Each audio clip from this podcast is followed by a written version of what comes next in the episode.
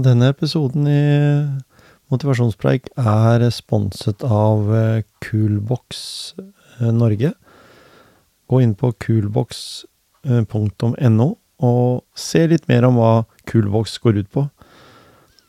I tillegg eh, så er også episoden sponset av Pure Norway Water. Det er norsk vann på boks, med fokus på miljø, klima og det å hjelpe til med å rydde opp eh, etter plastinvasjonen vi har eh, i samfunnet i dag. Gå inn på purenorwaywater.no og se litt mer om det. Og så vil jeg si at denne episoden har jeg gleda meg veldig til.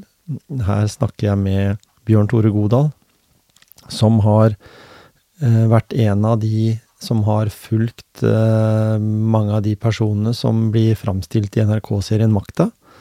Arbeiderpartipolitikere som Reiulf Steen, Oddvar Nordli og Gro Harlem Brundtland f.eks. Så denne episoden har jeg gleda meg veldig til å få ut. Og den er spilt inn via nett, og Bjørn Tore bruker da et nettbrett.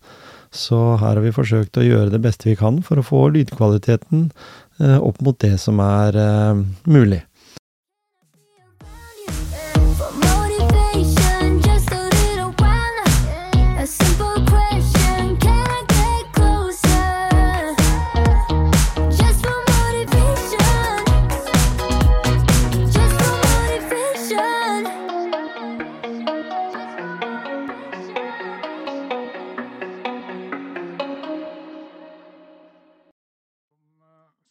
eh, mulig.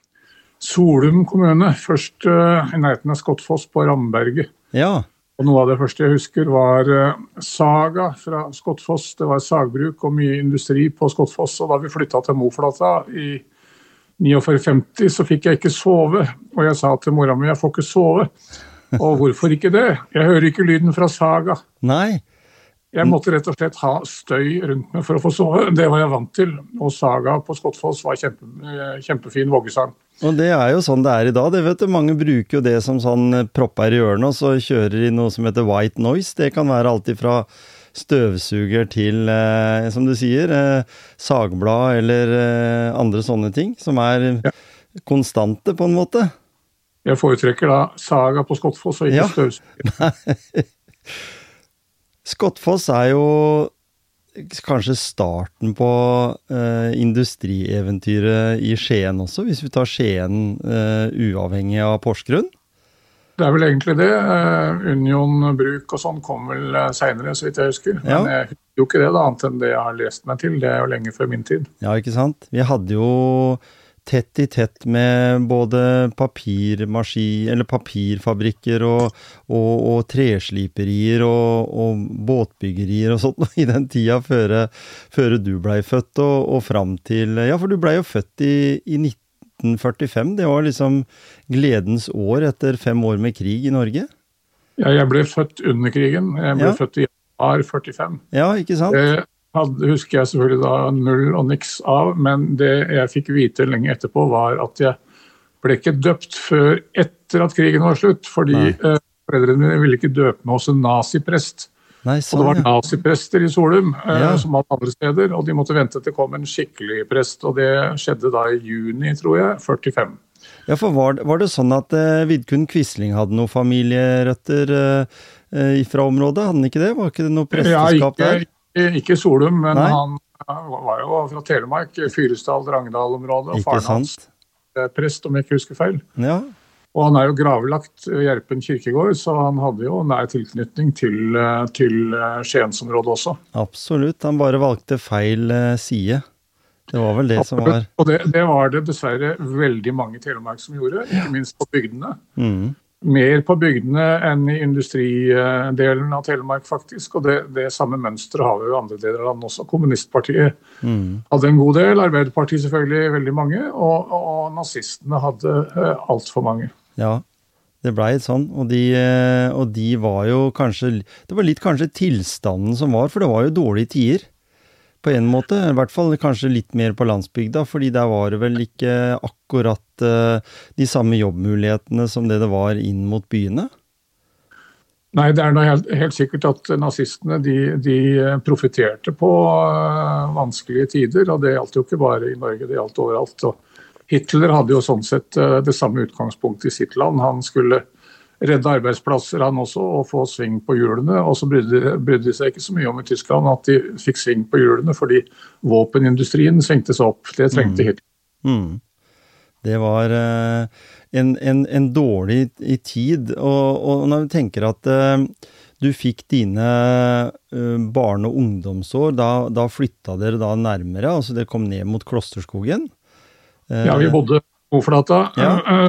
Faren min og foreldrene mine bygde Først så flytta vi hjem til en tante og onkel av meg som hadde en nybygg på Moflata. Siden det var landkommune, så var det ikke husbankhus. Det var husbygging finansiert av Landbruksbanken. Og Landbruksbanken spilte samme rolle som Husbanken i landkommunene. Ja. Og faren min eh, han satte da opp hus på Moflata. Det står der en dag i dag, i Myrveien. Mm. Og det var et helt fint hus. Og jeg husker jeg spurte faren min hva koster dette, og jeg syntes det var så stort og fint. Det var jo ikke stort i våre øyne, halvannen etasje. Uh, og ikke så mange kvadratmeter heller, men det kosta 90 000 kroner. Ja. Jeg synes det var et vanvittig beløp. Uh, men da sa faren min jo, det var mye penger, men de hadde fått lån i Landbruksbanken. Mm. Og der bodde jeg faktisk til jeg eh, dro fra Skien i, i 1965. Ja. Du, men du hadde allikevel da din uh, politiske debut, vil jeg si det, det i, allerede i 1961. Og har jeg forstått riktig hvis jeg, når jeg leste litt om dette her, så tilhør, altså du tilhørte noe som egentlig ikke var AUF Skien, for det står noen steder. Det var noe som het Klosterskogen og Gimsøy arbeiderungdomslag?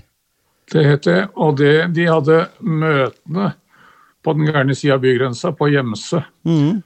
Både i Kolonihavehuset, eh, som ligger der hvor det nå er Hercules og bensinstasjoner og butikker. Og så var vi i eh, ungdomsherberget nærmere Gjemse sentrum krysset, og det, det, ligger der enda, så vidt jeg vet. Grendehuset, som vi kaller det i dag. Grend, ja, begge de stedene hadde vi møter, og vi lå sånn sett både i Skien og i Solum. Mm. De fleste av medlemmene kom fra Klosserskogen, eh, som var en del av Solum.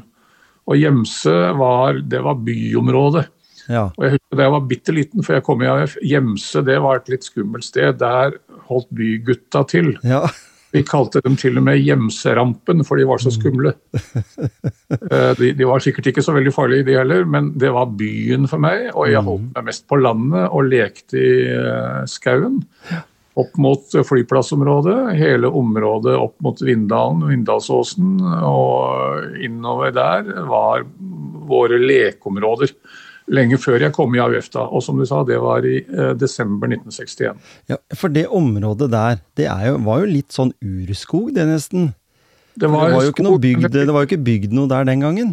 Nei, men uh, det tilhørte Telemark fylkeskommune, uh, store deler av det området. Og det hadde nok sammenheng med at sykehuset også ble eid av, uh, av fylkeskommunen den gangen. Mm. Og de hadde store områder som de etter hvert har satt ut til uh, boligbygging. Både for sykepleiere og legere og sykehusansatte. Og vi bodde på en måte midt oppi det, selv om det akkurat i min vei var mye hydrofolk mm. og industriarbeidere av, av forskjellig slag. Ja, for det var, det var, jo ganske så tett busstrafikk fra området der og til, eh, til Porsgrunn via Vestbussen. Det gikk busser i alle retninger. Ja, ikke sant?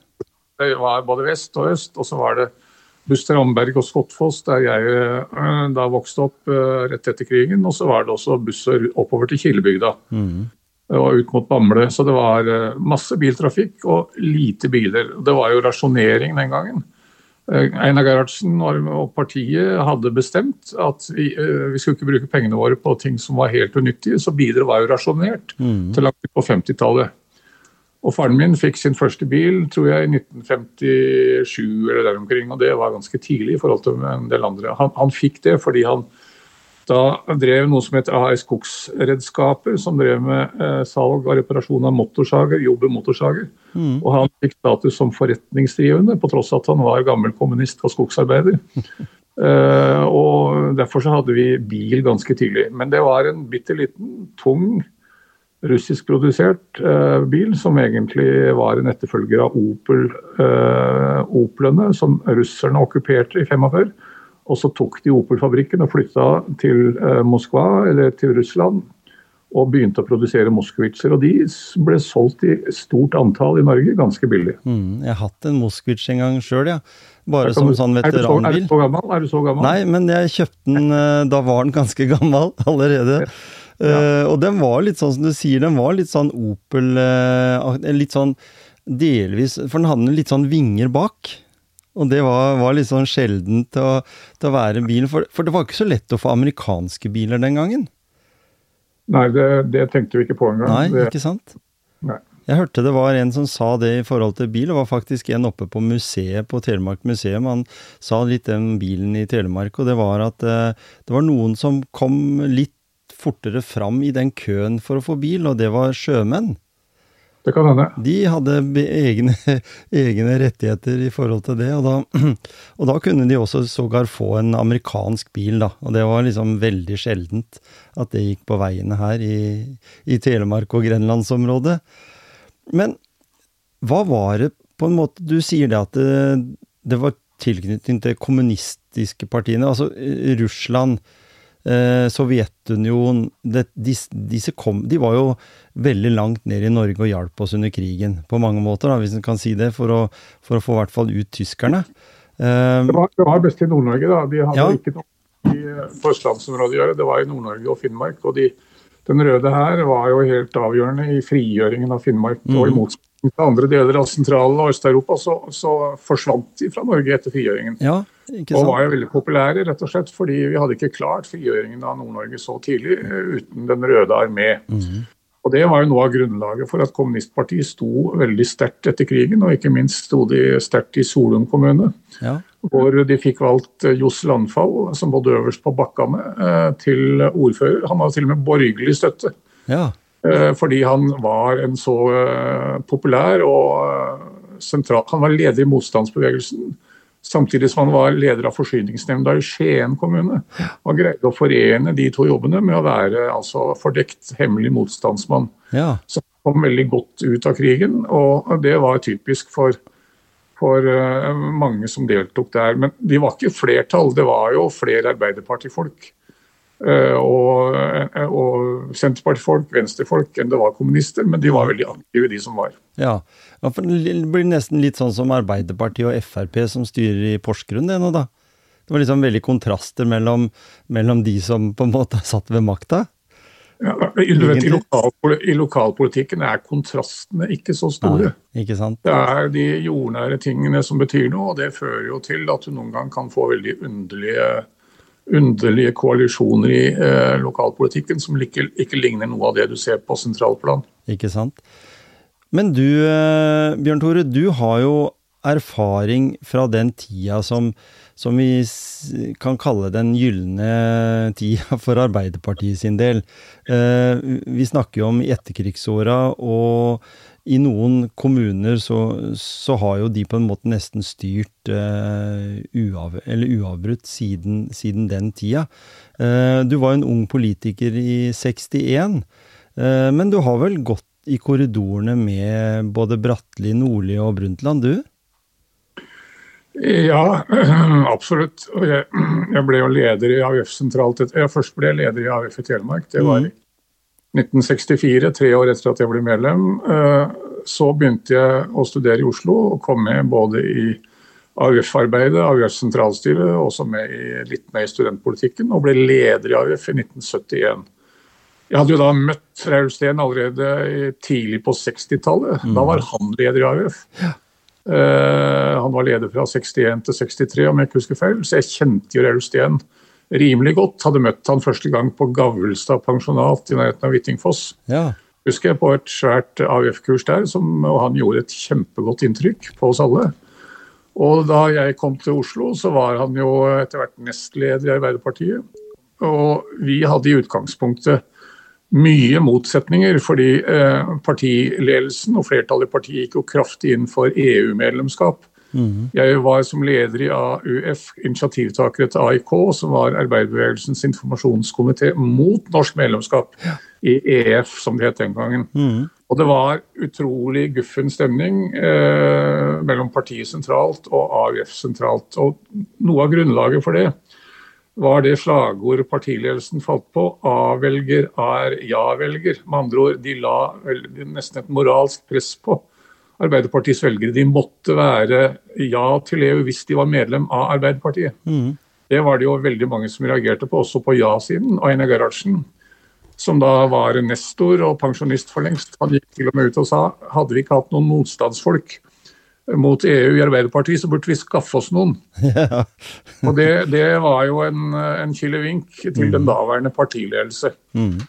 Det gikk jo riktig dårlig for partiledelsen. Jeg tapte folkeavstemningen i 1972, og vi tapte en kvart million velgere til SV og til andre ved stortingsvalget i 73. Da skjønte Raul Steen og noen andre, Per Kleppe, Trygve Bratteli, at noe måtte gjøres. Ja.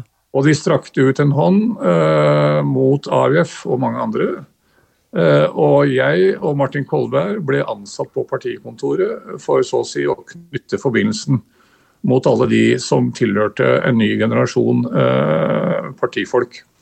Og der ble jeg værende da, som Raul Steens nære medarbeider i alle år mellom 1973 og 1980. Mm. Dermed kom jeg veldig på innsiden av alt det som nå beskrives i NRK-serien eh, Makta. Ja. Som jo er en blanding av sannhet, løgn og dikt, som de sier selv. Mm. Det er ikke en sannheten, men det er en kjerne av sannhet i ganske mye av framstillingen. Ja, for, ja, for kan du si noen av disse karakterene, for du har sikkert sett serien? Uh, ja, ja, den som stemmer best ja. uh, Serien er jo bare halvveis, uh, men mm. som stemmer best til nå, er Gro Harlem Brundtland. Hun er rimelig godt beskrevet og mm. veldig godt spilt. Det syns jeg òg. Men ingen av de andre stemmer helt.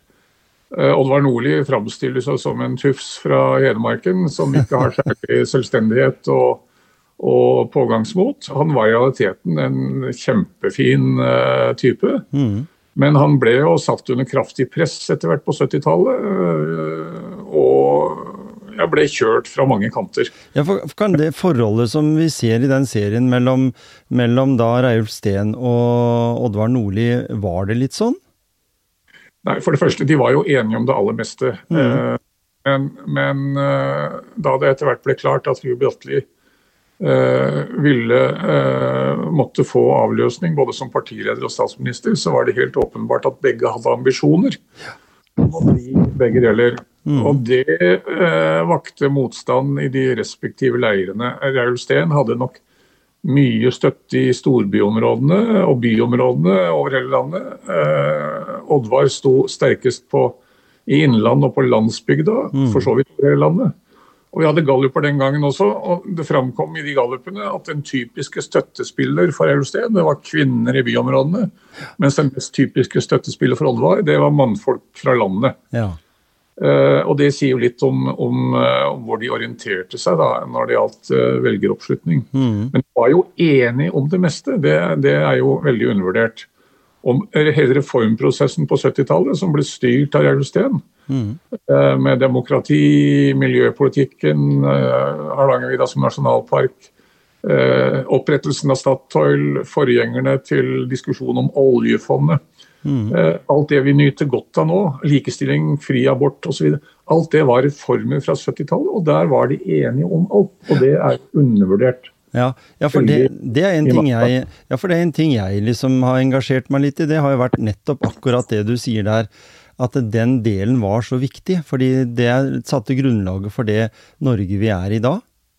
Det var det absolutt viktigste. Mm. Og jeg var en veldig fin periode å være på partikontoret sammen med Reiulf i den perioden. Og den eneste, eneste saken hvor det var uh, direkte motsetninger mellom Oddvar og Reulf og Bjartmar uh, og Oddvar, det var jo Hardangervidda og Foreningen av Dagali- og Veigvassdragene. Mm. Det delte uh, ledelsen på midten, og der sto Reulf og, og og gro sammen. Ja, og så har jo Du var jo med der du òg, fordi som jeg kunne lese i hvert fall, så hadde du med hva de kalte det, bankdemokratisering likestilling og miljøspørsmål. Alt sammen. Ja, og, og hvis en ser sånn på, på, den tida der så var vel miljøfokuset en noe annet enn det miljøfokuset vi har nå, med det grønne skiftet som de snakker om? Det var starten på en større bevissthet om miljøpolitikken. Mm. Eh, det, ikke minst Torbjørn Berntsen, som da eh, hadde jobba lenge med arbeidsmiljøspørsmål, hadde bakgrunn fra Aker eh, og industrien, var veldig opptatt av arbeidsmiljø. Og fra arbeidsmiljø gikk det jo en direkte forlengelse over i en, en breiere miljødiskusjon. Ikke minst opprettelsen av nasjonalparker og, og naturvern mm.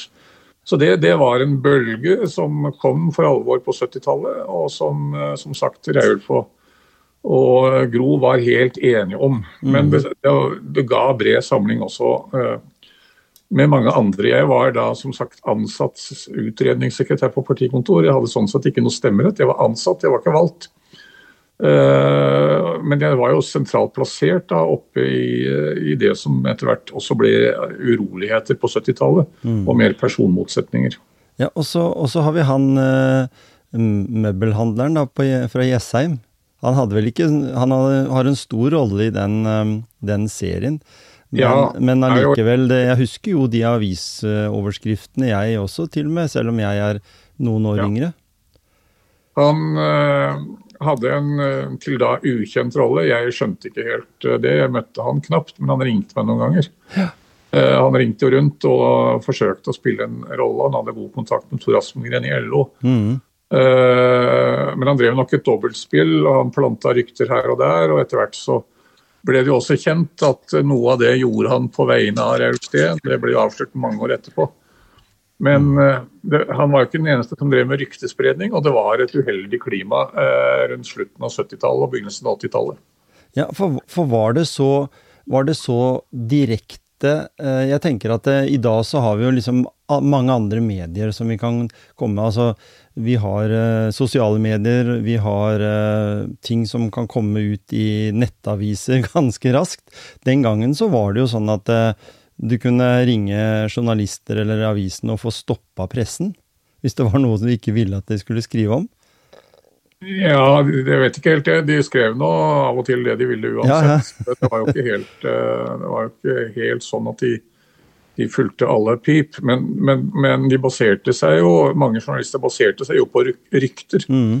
Og, og, skrev med utgangspunkt i rykter og falsk, falsk plassering av informasjon. Eh, det var jo politiske journalister som levde av det, rett og slett. Mm. Og, og, det er jo eh, blitt noe mer seriøst nå, føler jeg. Ja. Så kom du jo så langt som til at du fikk ministerposter, men du var også med å, å jobbe litt rundt skattereformen? Ja, altså ministerposten var lenge etterpå. Ja. Eh, ble da i 1980 valgt partisekretær i Oslo Arbeiderparti. Mm. Forlot Landspartiet, var partiet sentralt etter sju-åtte-ni år, egentlig. Og, og, ble etter hvert leder i Oslo Arbeiderparti i 1982, og var det fram til 1990, da Jens Stoltenberg uh, overtok. Mm. Da var jeg i mellomtida kommet uh, på Stortinget i 86 som uh, såkalt fastmøtende vararepresentant, og kom i finanskomiteen. Etter hvert i utenrikskomiteen. Begynte i utenrikskomiteen å jobbe med EØS og EU-saker, og mye annet også, selvfølgelig. Men ble da spurt om eh, å overta som handelsminister etter Eldrid Nordbø, en annen telemarking, mm. som var handelsminister uh, fram til 91, da hun ville ha avløsning av helsemessige grunner. Mm. Så var jeg handelsminister fra 91 til 94, undertegnet uh, eh, EØS-avtalen i Oporto i Portugal, som vi lever godt med siden. I, ja, det var vel i mai 1992. Og så ble jeg utenriksminister da Johan Jørgen Holst dessverre døde eh, i 1994. Og fortsatte da i regjeringen Harlem Brundtland som utenriksminister. Fram til da Torbjørn Jagland overtok i 96, og fortsatte som utenriksminister i hans regjering. Mm. Uh, og til slutt så ble jeg da forsvarsminister fra 2000 og 2001 i Jens Stoltenbergs første regjering. Så jeg hadde tre forskjellige ministerposter. Mm. Med, med, tre forskjellige godt anerkjente statsminister også, vet du? Ja da, absolutt. Men, de, var jo, de, var jo, gode statsministre på hver sin uh, måte, men de var selvfølgelig også veldig forskjellige. Mm. Når, når, vi tenker disse uh, statsministrene og hvordan oppbygninga var i Arbeiderpartiet den gangen, så, så, så, vet jeg at du har nevnt litt på dette her, at uh, det var veldig vanlig at en gikk mer i graden i partiet.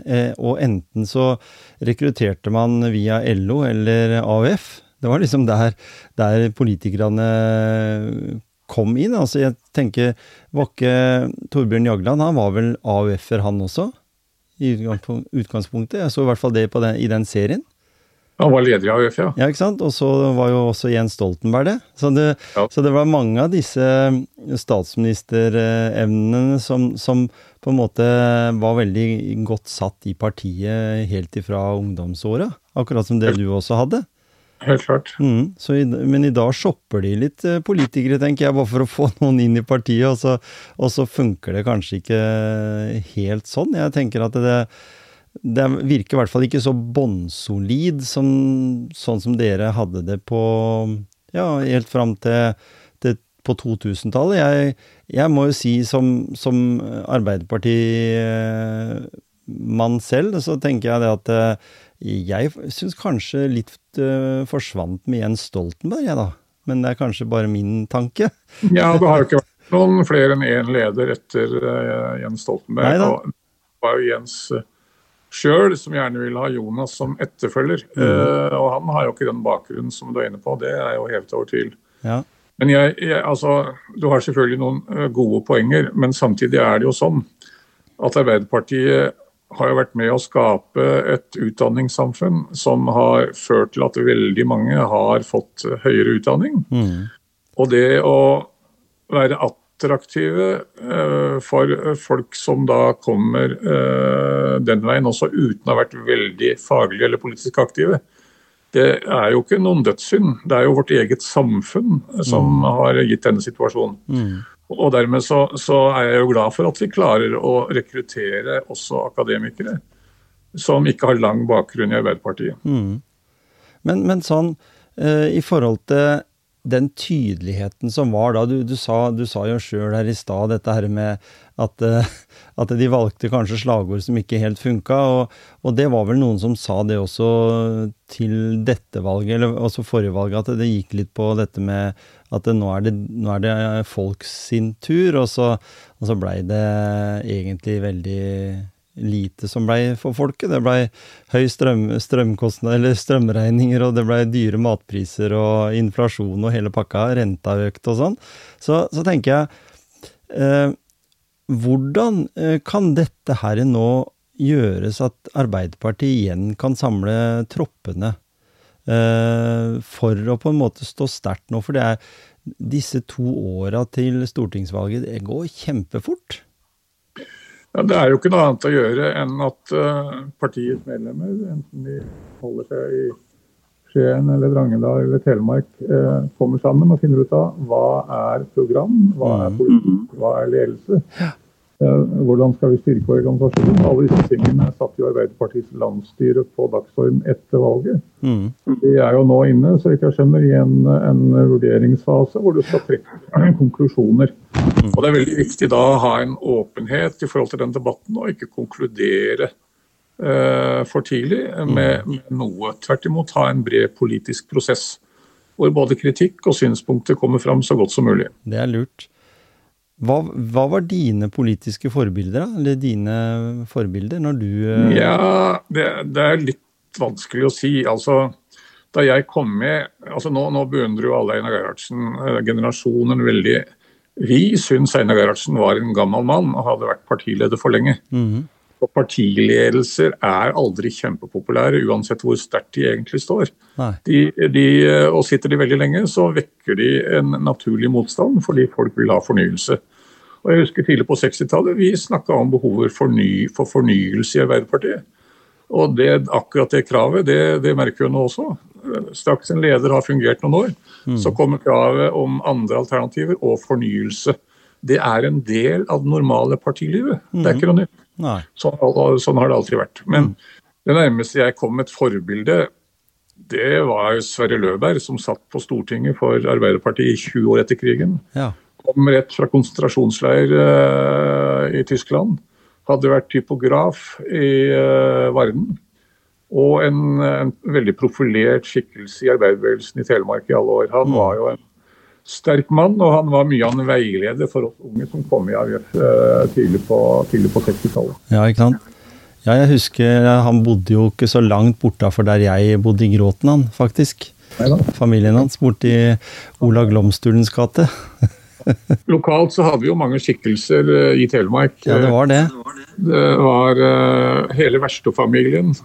Olav Versto, far til Aslak Versto, uh, som satt på Stortinget for Telemark i mange år. Begge to uh, var noen. Ja. Men det, var jo, det slang jo heldigvis damer også. Elna Kabbe var ordfører i Nome, på Ulefoss. Mm. Hun var en eh, ledende skikkelse, tidlig ledende skikkelse i kvinnebevegelsen. Og Da jeg begynte å jobbe på Telemark sentralsykehus i, eh, for første gang på 60-tallet, i sommerjobb, var hun leder av sykehusstyret på Telemark sentralsykehus. Og jeg syns hun var en grepa dame. Mm. Hun måtte være litt tøff? Måtte man ikke det? Hun var, hun var tøff. og ja. De første damene var tøffe, og det var nødvendig for å gjøre seg gjeldende ja. i et uh, mannfolkssamfunn som også Arbeiderpartiet og fagbevegelsen var. Mm. Og det var jo, hvis en skal ta det eh, ut fra historien, om det er riktig, da, så var jo, jo noen av disse kara i ferd med å prøve å skvise ut Gro også en liten stund der. ja, altså Gro, eh, Gro, hadde jo veldig bred oppslutning på grasrota, mm. men Eh, det var jo de som mente hun ikke hadde gått AUF-skolen. Ja. Hun hadde ikke den samme bakgrunn som mange andre ledende skikkelser, selv om hun hadde en familiebakgrunn i Arbeiderpartiet. Gjennom både faren sin og mora si. Gudmund Harlem, faren var jo forsvarsminister og hadde vært mm. en sentral partiskikkelse. Så øh, både Oddvar og Reilf men særlig Oddvar, følte nok at, øh, at Gro kom litt for raskt til det. Ja. Og hun ble jo da satt ut av regjeringen eh, på et tidspunkt hvor Oddvar eh, foretok regjeringsendringer. Mm. Med den begrunnelse at uh, Gro burde komme på Stortinget og gå statsminister- og partilederskole der. For å sitte i regjeringen. Og det var jo et tveget sverd. Det var noe i det. Det er ikke dårlig tenkt at man bør ha litt bakgrunn på Stortinget før man blir ledende politiker. Eh, men samtidig var det jo en måte å få henne ut av regjeringen på. Så begge deler stemte jo. Ja. Og så gikk Raulf inn i regjering isteden, og det var Oddvar og Raulf helt enig i. Og der fikk du en liten sånn eh, signal om at det var litt gnisninger mellom Gro og, og Reiulf akkurat i, i, en eh, periode der? Ja, altså den, det var jo ikke bare litt. Det, var, og det, det skjedde jo da Reiulf fikk sine problemer med alkohol og piller eh, og ble sykemeldt en periode, så var Gro ble hun omtalt som fungerende formann eller leder, eh, og hun brukte det uttrykket selv. Og da fikk Reulf selvfølgelig blod på tann og mente at det var utidig å overta ledelsen selv om han var sykemeldt noen dager. Så det var absolutt med å skape dårlig stemning på toppland. Ja, og Åssen tenker for din egen del, du har jo hatt ministerposter. Ehm, hvor langt hadde du sjøl ambisjoner? Spesielt ja, det ene tok det andre. Ja. Eh, da jeg ble eh, organisasjonssekretær i 1970 og leder i 71, så hadde jeg fortsatt ikke avslutta hovedfagstudien. Jeg, jeg, jeg, hvis jeg drømte om noe, så var det å gjøre ferdig hovedfag. Mm. Men det gjorde jeg aldri. Jeg ble såkalt cand.mag, bachelor som det heter nå, med de fagene jeg for så vidt trengte. Mm. Men jeg, jeg, bestemte meg jo aldri for å bli politiker. Jeg har ikke noen dato hvor jeg kan si jeg bestemte meg for å bli det ene eller andre. Det ene tok det andre. Ja. Og til slutt så var det for seint å gjøre noe med det. Men jeg kom til i 2001, etter 30 år i politikken, hadde jeg vært med i politikken fra 1970-71 på fulltid, at nå er det på tide å gjøre noe annet. Så jeg hadde jo en drøm om å komme meg ut av det ikke inn i det. Og jeg kom meg ut av det i 2001. Mm. Og da visste jeg ikke helt hva jeg skulle gjøre. Da hadde jeg hatt tre ministerposter, jeg hadde sittet på Stortinget i eh, mange år, jeg hadde hatt eh, verv. Og var i grunnen eh, veldig fornøyd med det og hadde lyst til å gjøre noe annet, og det gjorde jeg. Mm. Og da blei du ambassadør? I hvert fall i 2003? Ja, etter, etter hvert så ble jeg ambassadør i, i Berlin. Utnevnt, heldigvis vil jeg si, av en Høyre-utenriksminister, Jan Petersen. Det var, jeg tror ikke det var hans idé, det kom vel fra embetsverket i UD mm. som god idé, fordi jeg hadde mye kontakt med Tyskland og kjente mange der og var veldig opptatt av tyske forhold, og ikke minst forhold mellom Tyskland og Norge. Så det, mm. det ble en veldig fin tid. Ja, for, for, Tyskland har jo, tross eh, krigen og sånt noe, så har jo vært en god og trygg samarbeidspartner med oss. Eh, eh, selv, om, selv, om, du er jo Er du fortsatt eh, mot EU, eller? Eller EF, som det heter? Nei, nei. nei. Tvert imot. Jeg gikk jo kraftig inn for norsk EU-medlemskap da jeg var utenriksminister. Ja, ikke sant? 1994, eh, og folkeavstemningen da. Men det det tapte jo regjeringen da, akkurat som regjeringen tapte i 1972. Mm. Det er jeg jo sånn sett fortsatt lei meg for, for vi, vi står EU veldig nær, men vi har altså ikke stemmerett. Uh, I motsetning til både Finland og Danmark og Sverige, våre naboland. Og nå ser vi jo at nesten alle land i Europa orienterer seg mot både EU og Nato, og søker mm. medlemskap der for å være med Eh, med fulle rettigheter. Det har altså ikke Norge, og det syns jeg er eh, noe vi må iallfall diskutere. Ja, for tenk, Tenker du at vi ville vært i en litt annen situasjon i Norge i dag eh, hvis vi hadde vært i EU? Altså Politisk så hadde vi vært i en annen situasjon. Mm. Økonomisk har vi heldigvis EØS-avtalen, ja. som jo gir oss full markedsadgang til det indre markedet i, i Europa. Det er kjempeviktig, fordi Norge og norsk verdiskapning, norske arbeidsplasser, er kjempeavhengig av eh, eksport til Europa. Mm. Vi er faktisk mer europeiske enn mange EU-land. Ja. De har flere bein å stå på ute i verden, mye mer aktive i andre deler av verden. Norge er europeisk mm. i sin økonomi, og derfor så bør vi etter mitt skjønn da, ha fulle rettigheter i EU også når de stemmer over ting som har betydning for oss. Ja. Og det, jo, det, det, ser vi jo nå hvor viktig det har vært for, eh, for Europa også å få olje og gass fra, fra, Norge. Eh, det har jo også vært viktig for Norge å få solgt olje og gass da, til en god pris, sånn at vi kan fylle opp dette fantastiske pensjonsfondet vårt. Eh, for det er jo det vi skal leve av. I hvert fall hvis det grønne skiftet blir sånn at vi slutter med olje. Men det, det du, har, du har jo vært med i eh, Eller er du fortsatt i styret til Equinor? Nei. Nei? Eh, Men du har vært det? Jeg var med. Jeg kom i 2010 og gikk ut for et år siden, i 2022, så det var tolv år. Ikke sant? Egentlig veldig lenge. Men øh, nå har jeg ikke noe verv av det slaget. For det har vært en god, har vært en god inntektsmaskin for, for Norge? Det det Både det og andre selskaper som har bidratt med skatter og avgifter og det som trengs? Nei, helt klart. Ja. Men da ser vi jo det her med uh, disse som flytter ut da, til Sveits og andre ting. Det er jo ikke veldig, det er ikke en veldig sånn sosialdemokratisk tanke å gjøre akkurat det, da. Uh, vi skal jo tross alt dele litt med oss uh, om vi tjener penger, for, for det er jo kanskje noe som på en måte har skapt en liten sånn ja, skal vi si, en liten sånn strid mellom, mellom de folka med penger eh, og kontra regjeringa vår? Eller de som tar avgjørelsen? Det er klart at uh, det, Jeg, jeg syns det gjør seg dårlig. Uh, vi kan ikke nekte folk å flytte til et annet land, men jeg syns det gjør seg dårlig. Mm. For det er ingen tvil om at mange av disse, pengene, uh, mange av disse menneskene er blitt rike gjennom de mulighetene de har fått i Norge. Ja, ikke sant? Uh, og Derfor så syns jeg det har en, det har en uh, bismak som jeg ikke liker. Mm. Så det er ikke akkurat En skal ikke ha godfølelse når en bruker de pengene, egentlig. Fordi, uh, for det er jo sånn med, med de, de, avgiftene som oljeselskapene har måttet betale, sånn jeg har i hvert fall lest, så, så har de betalt ganske heftige tilbakebetalinger til staten her, i, i, form av avgifter de har på olje og gass, og, og det har ja, vært det på elektrisitet også. Så hvorfor ikke gjøre det på andre naturressurser også? Det er klart, Vi må ha et skattesystem. og Det, det sier seg selv at siden olje og gassen er, er, det er jo Norges eiendom. Ja. Vi har bare til energiselskapene å drive med det, så må vi håve inn skatter og avgifter. Ikke sant? Eh, både på energisiden og på mange andre områder. Det er helt nødvendig for velferdsstaten. Ja. Eh, kan vi kalle deg nå det som eh, Kan vi kalle deg pensjonist nå, eller? Ja, det er lenge siden. Jeg, ja, ble, jeg ble, pensjonist i 2010. Ja. Da jeg kom hjem fra Berlin, eh, hadde vært ambassadør i eh, omtrent fire år, og så ble jeg såkalt spesialrådgiver i UD.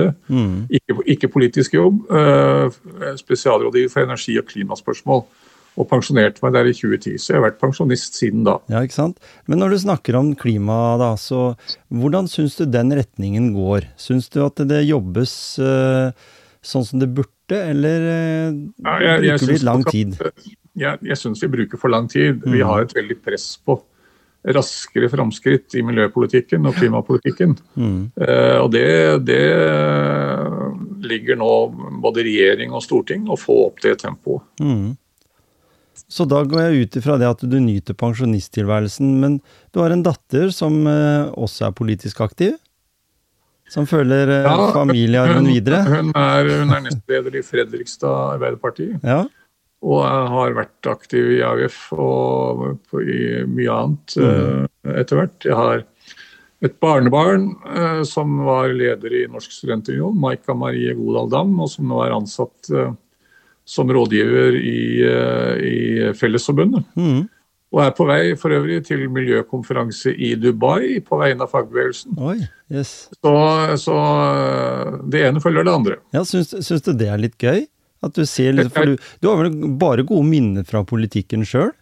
Ja, det har jo det i det, det, hele. Og jeg syns jo det er bra at, at, barn og unge følger etter.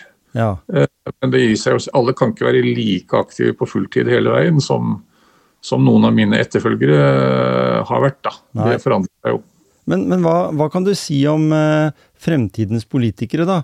Har du no, noen eh, tips sånn på tampen her nå å komme med til hva de, bør, hva de bør eh, tenke over når de vurderer å gå inn i politikken?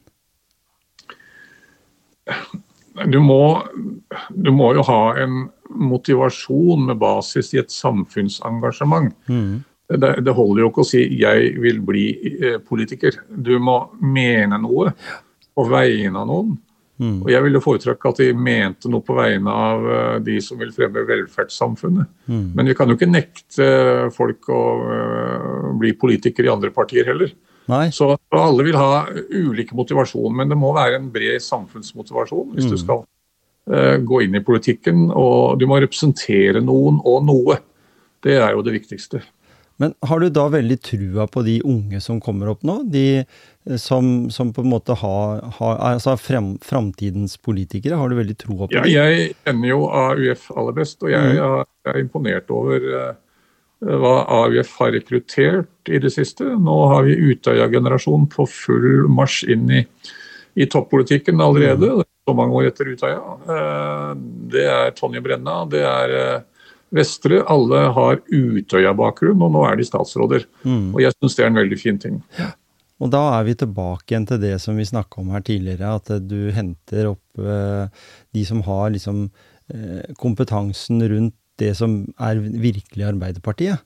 Bare de får, får muligheten til å, å vise det igjen håper jeg. Ja, det er jo et samspill mellom det å bli valgt uh, og det å ha tillit fra andre. Mm. Hvis du har tillit fra andre, så blir du valgt. Har du ikke tillit, så blir du ikke valgt. Sånn må det jo være. Ja.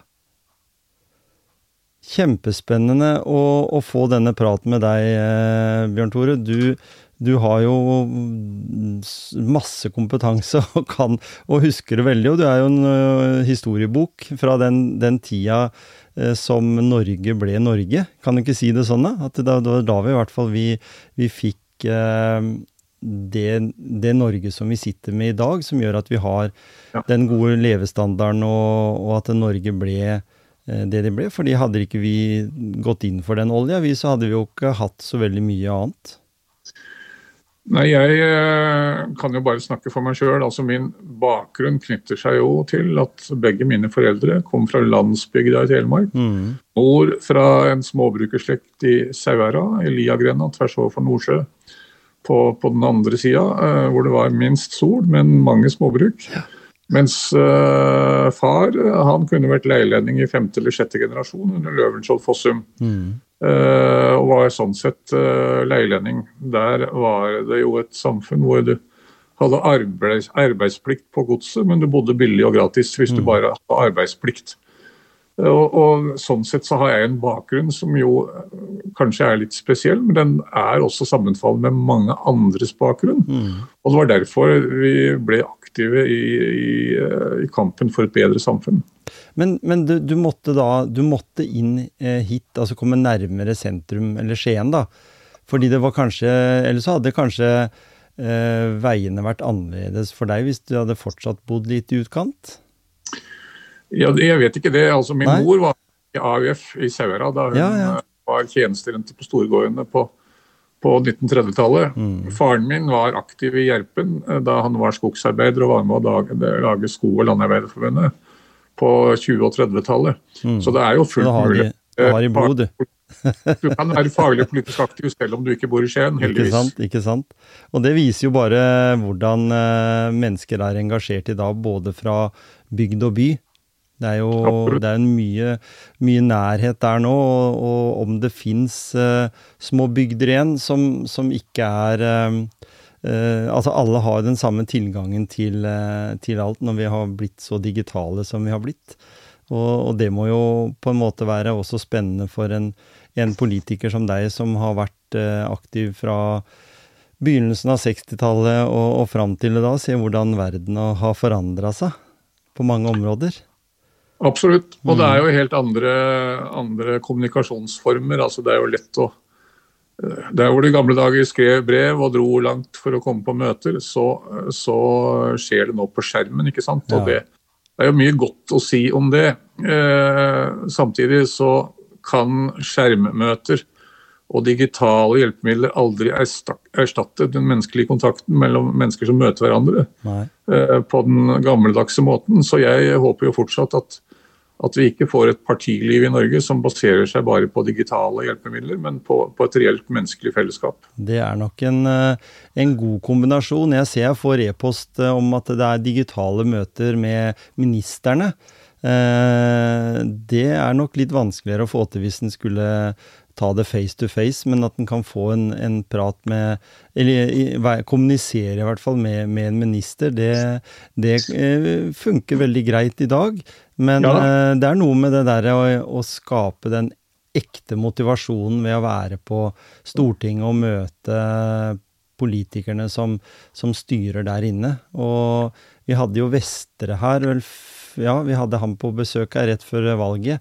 Uh, og det var jo kjempespennende å liksom høre litt hva, hva, de, hva de sier, da, for de er jo ganske kloke men som ofte media ikke får fram helt når de intervjuer de verken på nyhetene eller i avisene.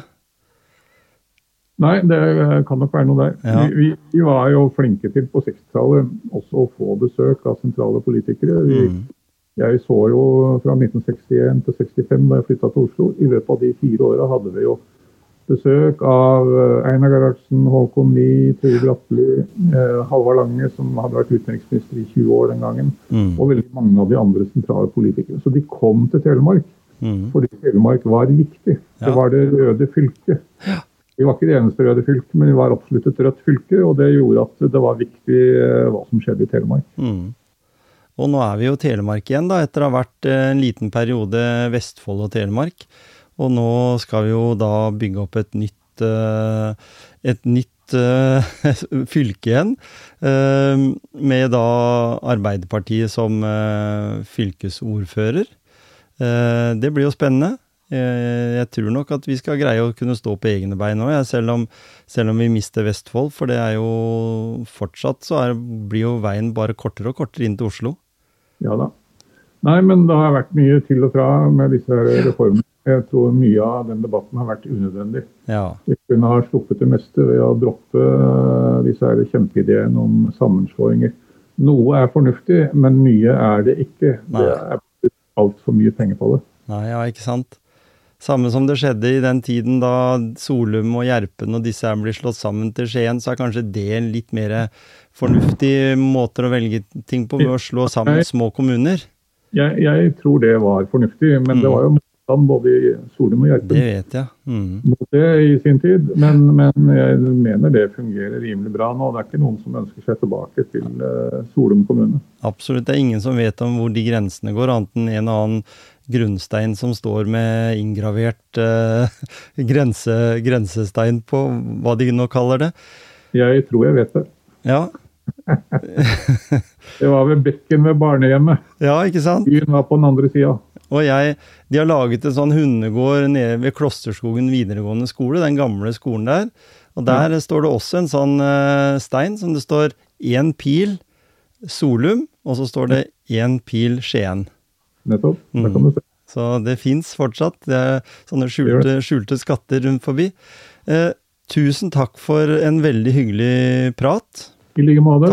Lykke til. Jo, takk for at du ville dele den, eh, deler av den historien din, og, og litt også og hvordan du, du, du ser, ser, på situasjonen i dag. Og det er jo, vi må jo være positive. Det er jo den eneste grunnen vi, eller eneste vi kan være for å I hvert fall hvis en ønsker at Arbeiderpartiet skal uh, stå sterkere enn det de gjør akkurat i dag.